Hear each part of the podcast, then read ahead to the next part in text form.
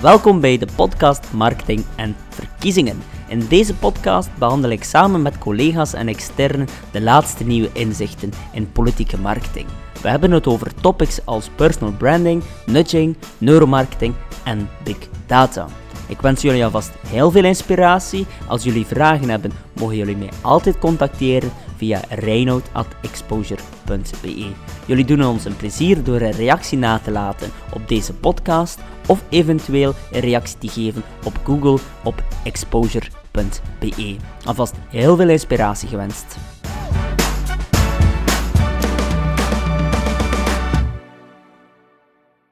Welkom bij alweer een nieuwe aflevering van de podcast Marketing en Verkiezingen.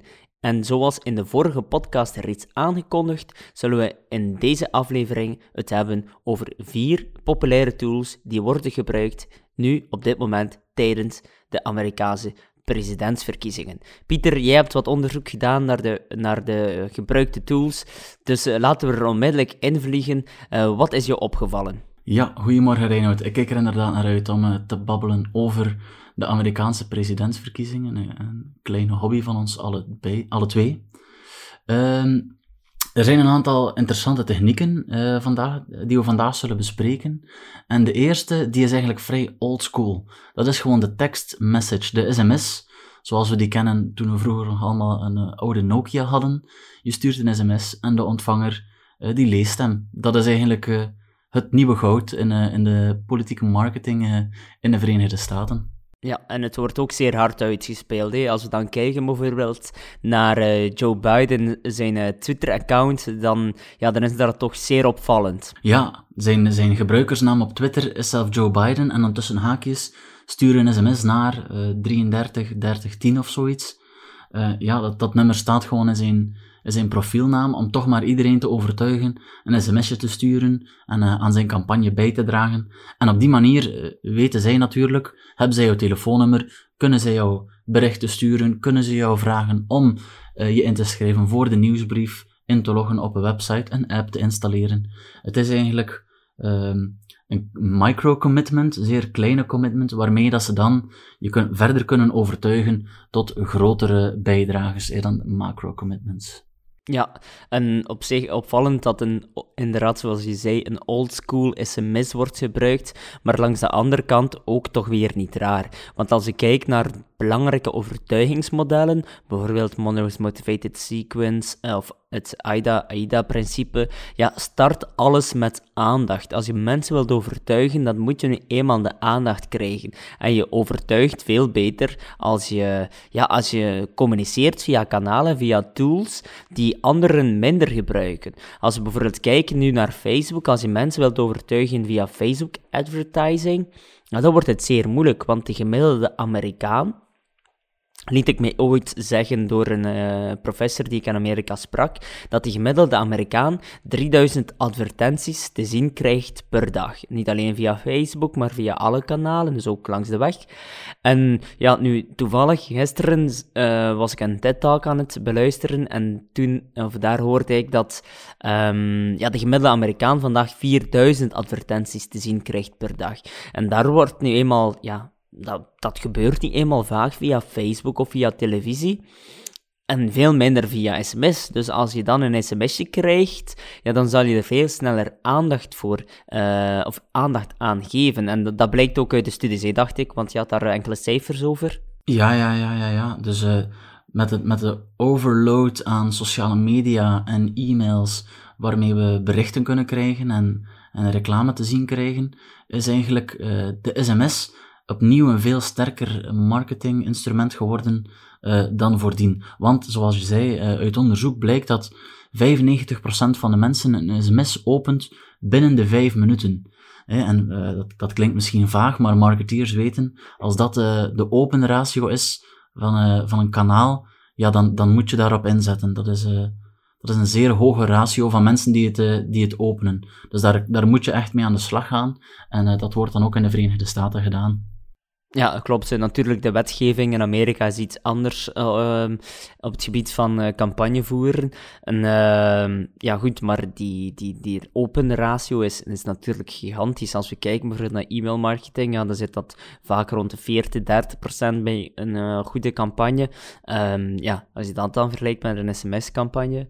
En ja, goed, dat is zeker iets om, om, om, om op te volgen, want als we kijken naar communicatie, campagnetrends en politieke communicatie, dan, dan start het altijd in Amerika, vliegt het over naar Nederland en komt het naar België. Dus het is zeker iets om, om rekening mee te houden, maar in mindere mate wordt het wel al een beetje gedaan. Dan nog niet via sms, maar wel via WhatsApp. Dus uh, via WhatsApp-campagnes. Inderdaad, ik ben bijvoorbeeld uh, ja, ingeschreven uh, op op een uh, WhatsApp-groep van de Newsmonkey. Dat is een nieuwskanaal. Maar ik heb me onlangs ook als test eens ingeschreven voor de WhatsApp-groep van de politieke partij Groen. Zij doen daar ook aan mee.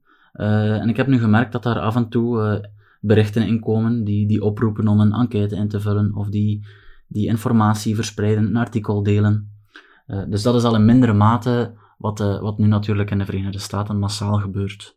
Ja, maar ook zoals je terecht zei, start vanuit die microcommitment, om dan eigenlijk macro-commitments te vragen. Dus dat wil zeggen, een kleine stap schrijf je in op de nieuwsbrief, de WhatsApp-lijst in dit geval, uh, voor de mensen die daar niet mee vertrouwd zijn. Het is een vorm van een nieuwsbrief die je stuurt, maar dan mobiel uiteraard, maar het is geen WhatsApp-groepje voor alle duidelijkheid. Het is dus niet wanneer je er iets inzet, dat iedereen er kan op antwoorden. Mensen krijgen het persoonlijk, zoals een nieuwsbrief, je verstuurt het naar iedereen, maar iedereen krijgt het in zijn persoonlijke mailbox, in dit geval in zijn persoonlijke WhatsApp.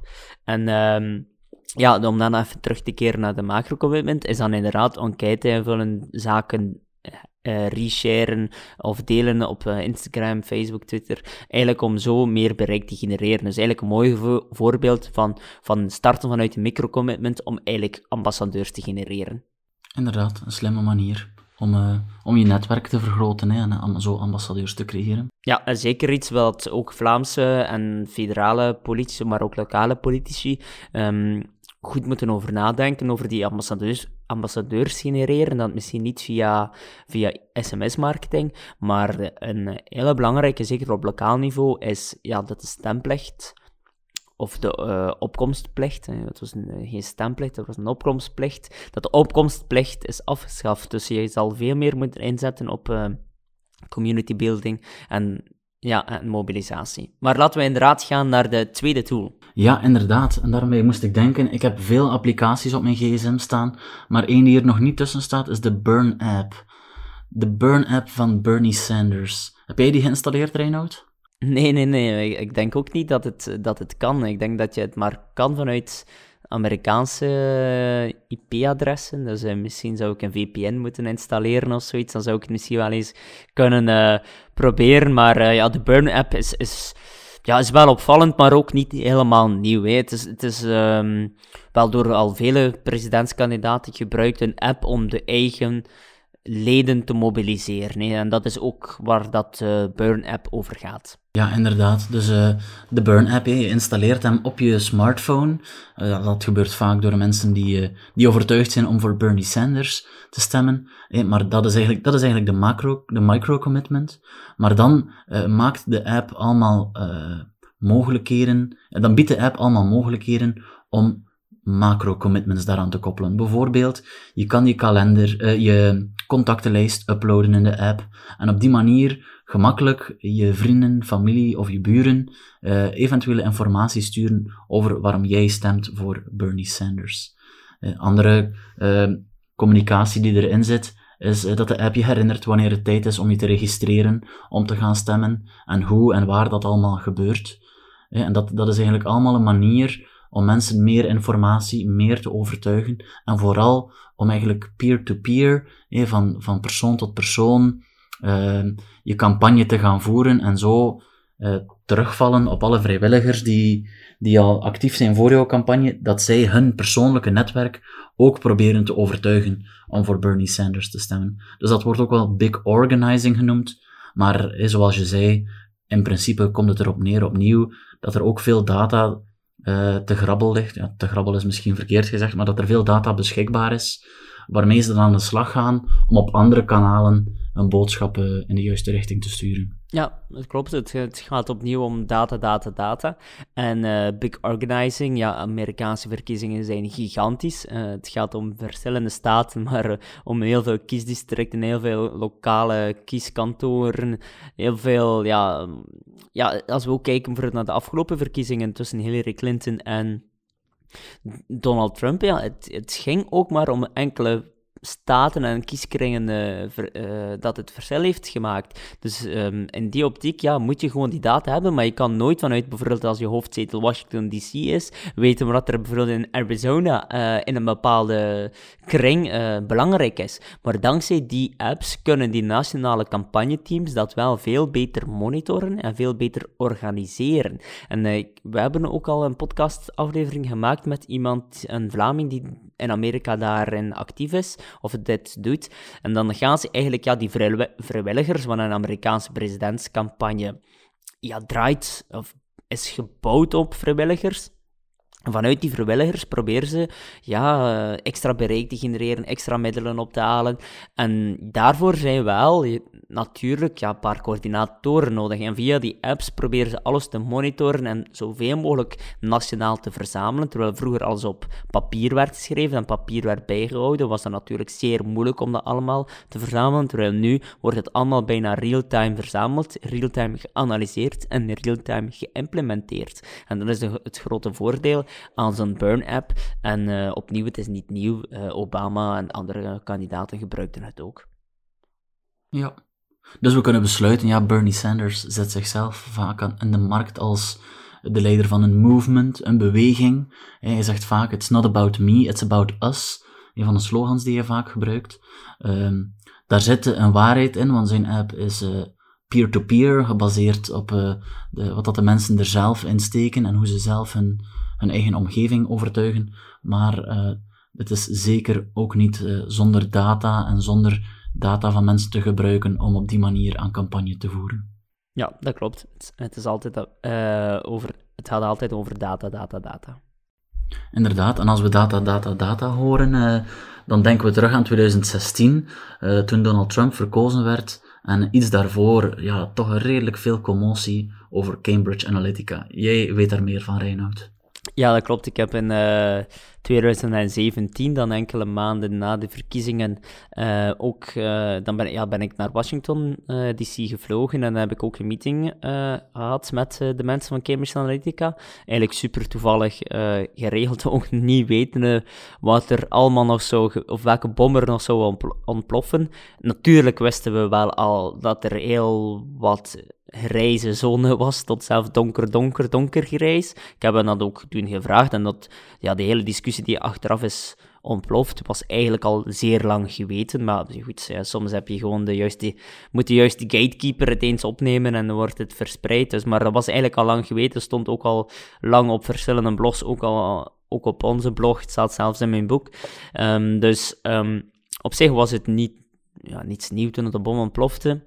Maar ja, het grote probleem bij hen is dat zij natuurlijk data gebruikten die op een ja, niet legale manier werden verzameld. Ook al was ja, de, de hoeveelheid data die ze op een niet legale manier, of niet correct, ik zal het zo zeggen, want het was hier en daar wel legaal, maar gewoon vooral niet ethisch ook. Maar dat de beperkte data die niet ethisch was, eigenlijk uh, ja, dus zeer beperkt was van de hoeveelheid data die ze gebruikt. Maar goed, dat is een andere discussie. Het belangrijkste is dat ze die data wel gebruikt hebben om eigenlijk psychologische profielen van mensen te maken. En van, vanuit die profielen die ze gemaakt hebben op de data, eigenlijk gerichte advertenties stuurden. Hè. Dus personaliseerde advertenties om eigenlijk de mensen meer te overtuigen. En dat is natuurlijk in marketing... Um, al vaker gezegd, ja, het, het, nieuwe goud is op basis van die data gepersonaliseerde berichten sturen. Uh, kom je zeker ook, uh, of ja, kruis je zeker ook het ethische vraagstuk. En in Amerika is het helemaal anders dan in Vlaanderen en in Europa, want in Europa hebben we de GDPR-wetgeving. In Amerika is er qua data is er toch een volledig andere wetgeving als ook een volledig ander gevoel van hoe je data mag gebruiken. Dus ja, goed, uh, als we het dan vergelijken met de Burn-app, het is zeker ook over data, maar de Burn-app is hier bottom-up, terwijl de Cambridge Analytica veel meer top-down was, van de data verzamelen en echt gericht sturen naar de mensen. Ja, en iets wat we zeker weten uh, is, ja, het stof is gaan liggen over Cambridge Analytica, maar dat betekent niet dat uh, het kamp van Donald Trump ja, alles uh, overboord heeft gegooid van de vorige campagne. de, dezelfde social media verantwoordelijken zijn er nog altijd in zijn team. En wees er maar zeker van dat hij die data opnieuw zal proberen aan te wenden om zijn boodschap bij de juiste kiezers te krijgen, hè, om die te overtuigen. Um, het zal misschien niet meer op een minder ethische manier zijn of op een verdoken manier, maar die data zal, zal zeker niet weggegooid worden. Nee, klopt. En ja, Cambridge Analytica is uiteindelijk dan als bedrijf gestopt, maar alle mensen die in de raad van bestuur zaten en de investeerders, er is een heel groot netwerk van, van Breitbart Media tot, tot de rijksten uh, in Amerika, ja, die, die, die, zijn er nog altijd. Dus die, die krachten achter Cambridge Analytica zijn er nog.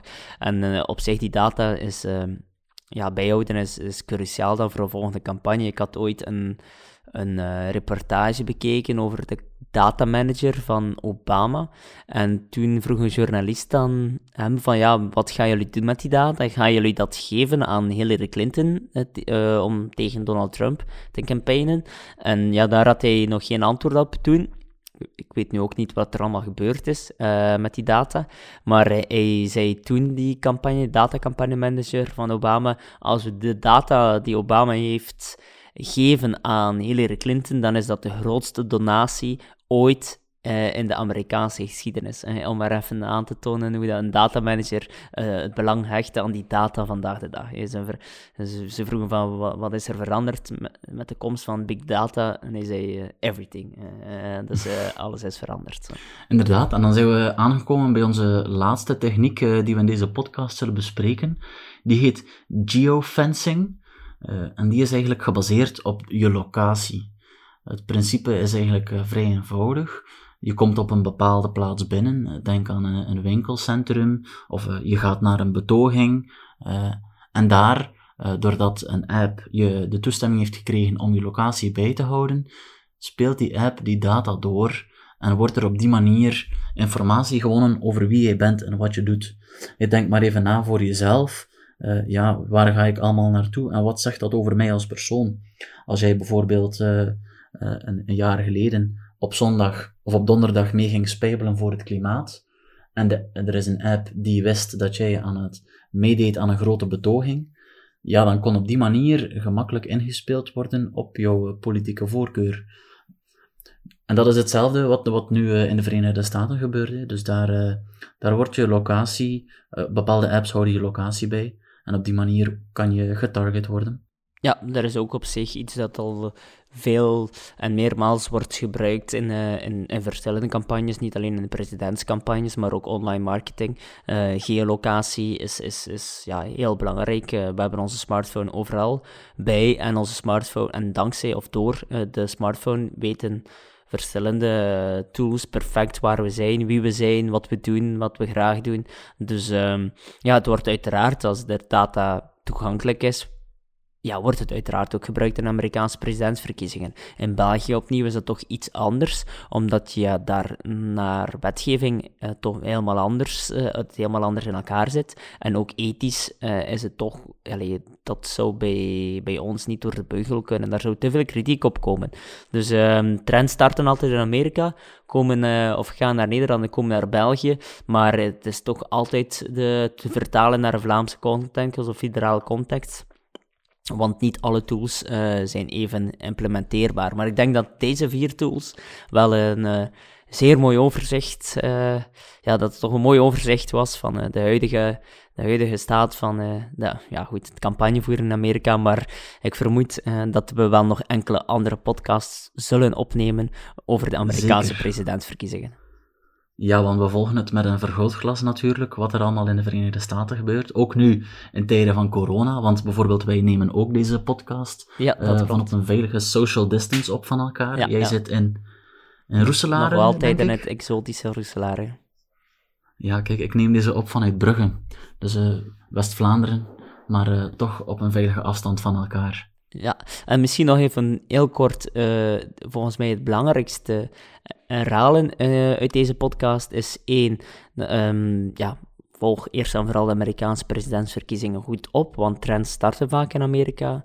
Twee, vergeet niet aan community building te doen. Uh, bouw een groep van ambassadeurs op. Zeker op lokaal niveau zal dat zeer belangrijk zijn. Ook op Vlaams en nationaal niveau uiteraard heel belangrijk. En probeer zoveel mogelijk data te verzamelen op een ethisch correcte manier, want data is het nieuwe goud. En zo kan je personaliseerde berichten sturen. En hoe gepersonaliseerder, hoe meer aandacht ze hebben voor de boodschap en hoe meer aandacht ze hebben voor de boodschap, hoe beter je mensen kan overtuigen. En ik denk dat dat dan een mooi einde is van deze podcast. Pieter, tot... Uh, dat is een prima samenvatting. bedankt. Tot de volgende podcast. En uh, ja. Uh, alvast bedankt. Tot de volgende. En zo zijn we weer aan het einde van deze podcastaflevering.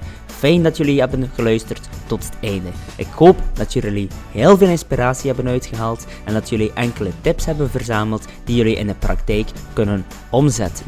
Als jullie nog meer informatie willen, dan kunnen jullie mij altijd contacteren via reinoud.exposure.be. Eventueel kunnen we ook eens rond de tafel zitten om te luisteren hoe wij jullie kunnen helpen. En opnieuw, jullie doen ons alvast een plezier door een review na te laten op deze podcast of een recensie te schrijven op Google voor exposure.be. Alvast bedankt en tot de volgende aflevering. Dag.